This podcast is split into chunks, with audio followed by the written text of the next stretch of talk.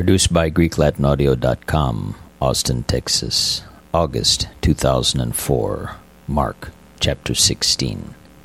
Et cum transisit sabbatum, Maria Magdalene, et Maria Jacobi, et Salome, emerunt aromata ut venientes uncerent eum.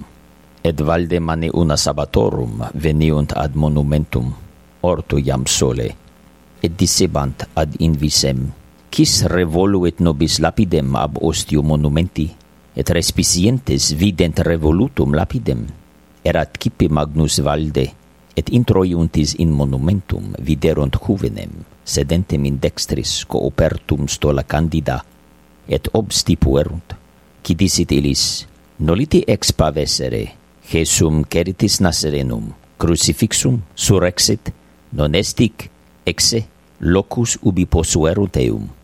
Sed ite disiti discipulis ejus et Petro, quia precedit vos in Galileam, ibi eum videbitis, sicut dixit vobis, ad ile exeuntes fugerunt de monumento.